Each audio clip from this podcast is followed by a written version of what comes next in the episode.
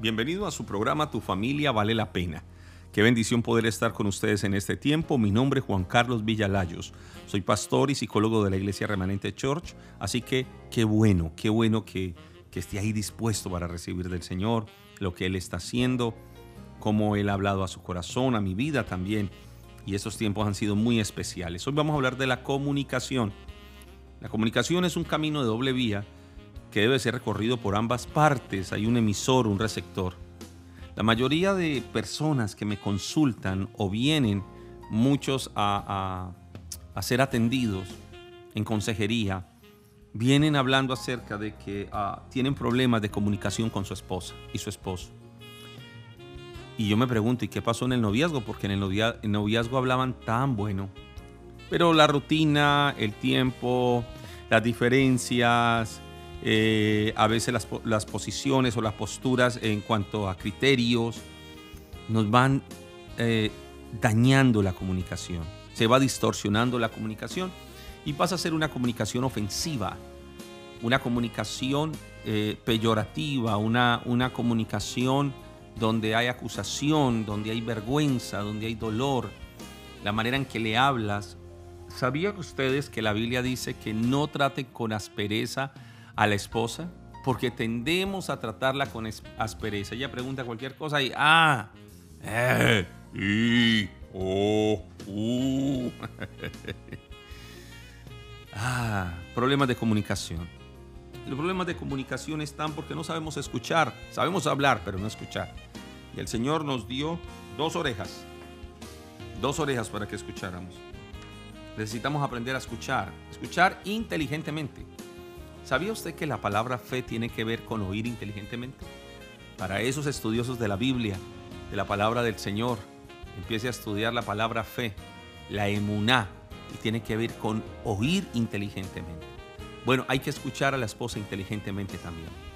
Si no la escuchamos inteligentemente, no entenderemos el mensaje subliminal que ellas están enviando.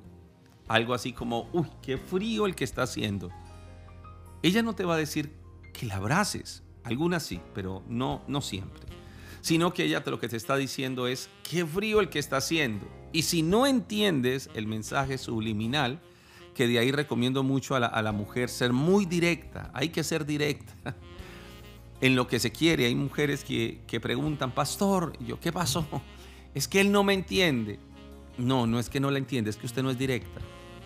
Ejemplo, tengo mucho calor para él, el, que tiene mucho calor, es que se, se, coloque ropa cómoda para, porque tiene calor.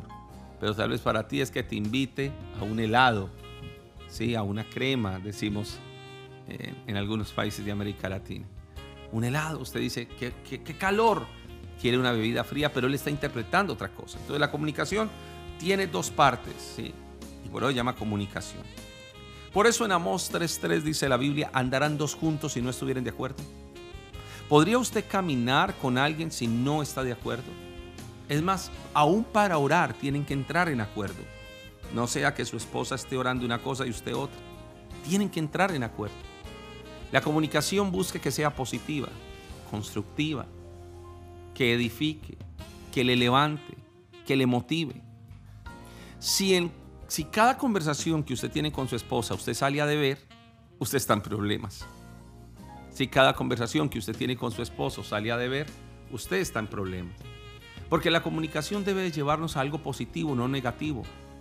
En la comunicación con tu pareja van a haber tensiones normales, pero procure que eso no llegue a conflictos. es, es, más, la misma Biblia dice, imposible es que no vengan tropiezos. ¡Ay! De aquel por quien vienen los tropiezos, mejor le, hubiese, ah, no hubiese nacido. Necesitamos mejorar la comunicación. Déjeme hacerle una pregunta. ¿Cómo está la comunicación con su esposo o su esposa? Algunos dirán, ¿cuál comunicación?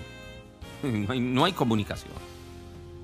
La Biblia dice, sean vuestras palabras con gracia, sazonadas, para que sepan responder a cada uno como merece, sea vuestro hablar sí o no, porque lo demás de mal procede. Hay que mejorar la comunicación.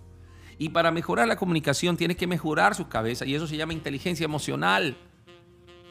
Tiene que mejorar la manera en que se expresa hacia su esposo o hacia su esposa. Lo necesitan. Mire, que su hogar sea sea como esa cabaña apartada que todos hemos querido, que su hogar sea ese lugar placentero, que su hogar sea ese lugar bienvenido, que su hogar sea ese baluarte, que, que su hogar sea esa, ese, ese nido de amor, que, que su hogar sea ese campo de instrucción, que su hogar sea esa pequeña iglesia que Dios te entregó, esa luz, ese goce que Dios te ha dado. Para algunos, nada de lo que dije tiene que ver con hogar, porque para ellos el hogar tiene que ver con dolor o con tristeza o separación o divorcio, no amados. Y hay tres cosas que te voy a pedir en el matrimonio en cuanto a la comunicación. Necesitamos compromiso. Para comunicarnos bien debemos de asumir que esto es de los dos. Esto no es el hogar de Juan y, o, el hogar, o el hogar de, Diana o el, hogar de, Alonso y el hogar de, Liliana. No, eso es un hogar de los dos, de un, solo apellido. ¿Sí? y necesitamos compromiso. Lo otro que necesitamos es que para que haya una buena comunicación es que sean amigos. Se volvieron extraños. Eh, esta canción, eh, eh, hay una canción que dice que el uno para el otro es lo que somos, pero algunos no, no, no.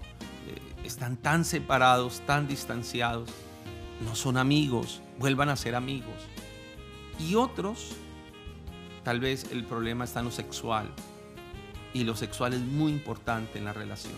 Pero está el compromiso, el ser amigos y lo sexual. Eso es en un matrimonio es importantísimo y eso tiene que ver con comunicación.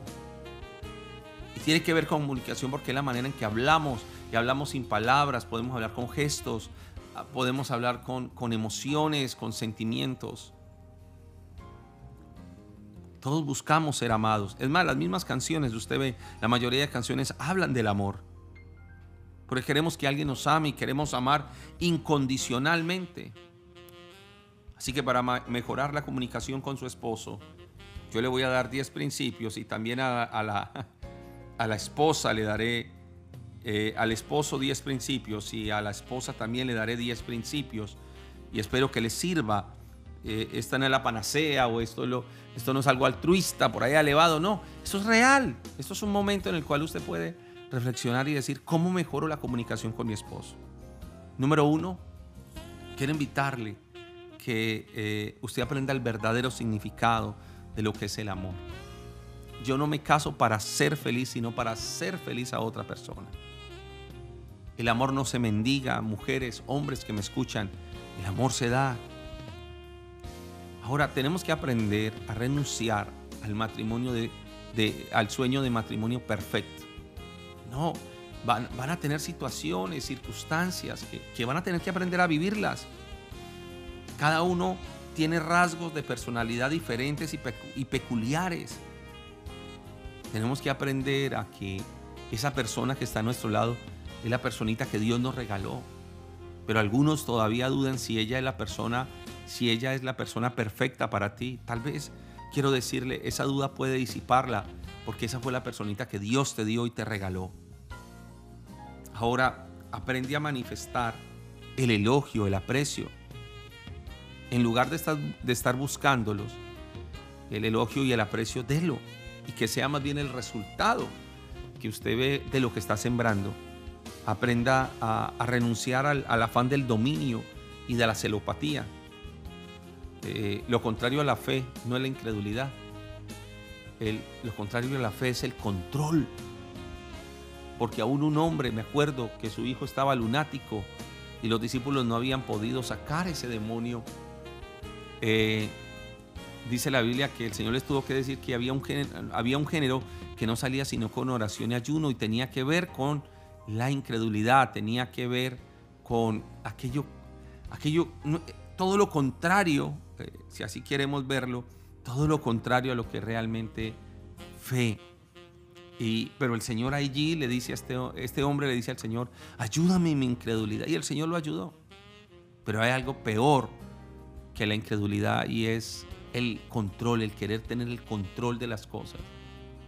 El aprender que tienes que depender, que hay un espacio en tu vida donde tienes que aprender a depender absolutamente de Dios porque no vas a tener el control.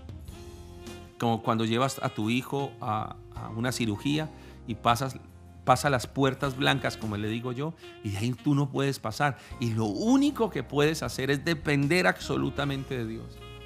Y tal vez a eso te está llevando el Señor, a, renunciar al control y a esos celos. Aprende a elogiar en vez de quejarte. Aprende que realmente Dios es el que cambia el corazón de tu esposo, no tú. Olvida todo complejo. Valórate y pide a Dios paciencia para construir ese hogar. Aprende a escuchar, siéntate. Mira, te voy a dar un principio, y esto lo aprendí no solo como pastor, sino como psicólogo también. Cuando la gente habla nos da herramientas. Hay personas que se enredan solas y se desenvuelven solas otra vez, se desenredan solas. Hay que dejar que la gente hable, que la gente exprese, pero cuando estamos hablando con el esposo o la esposa, interrumpimos demasiado. Entonces esa, conversación no fluye.